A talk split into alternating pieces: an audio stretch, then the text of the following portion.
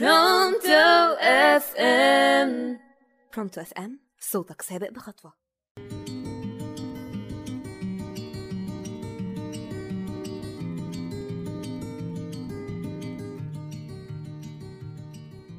اضطراب الأكل أو ال eating disorder إيه هو ال eating disorder؟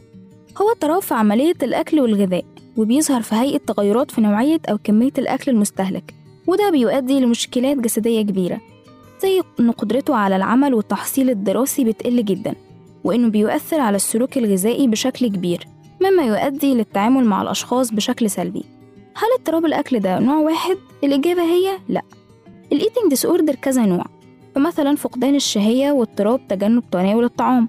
هو إن الشخص بيتناول الطعام بكميات قليلة جدا أو تجنب بعض الأكلات مع إن مفيش قلق من شكل أو وزن جسمهم. اللي هي بتبقى نفس حالة الأشخاص المصابون بفقدان الشهية العصبية أو الشره المرضي. تاني نوع هو اضطراب النهم أو الشراهة. عند تناول الطعام هنا بيقوم الشخص المصاب بيها بتناول كميات كبيرة من الأكل.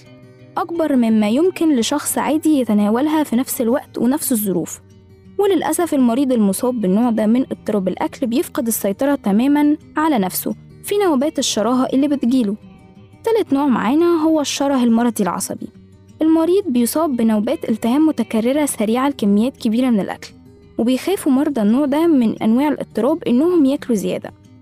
رابع نوع هو شهوة الغرائب وهو أكل المواد غير صالحة للأكل مثلا زي الناس اللي بتحب تاكل الطباشير. بيعد ال eating disorder أكثر شيوعا في النساء مقارنة بالرجال.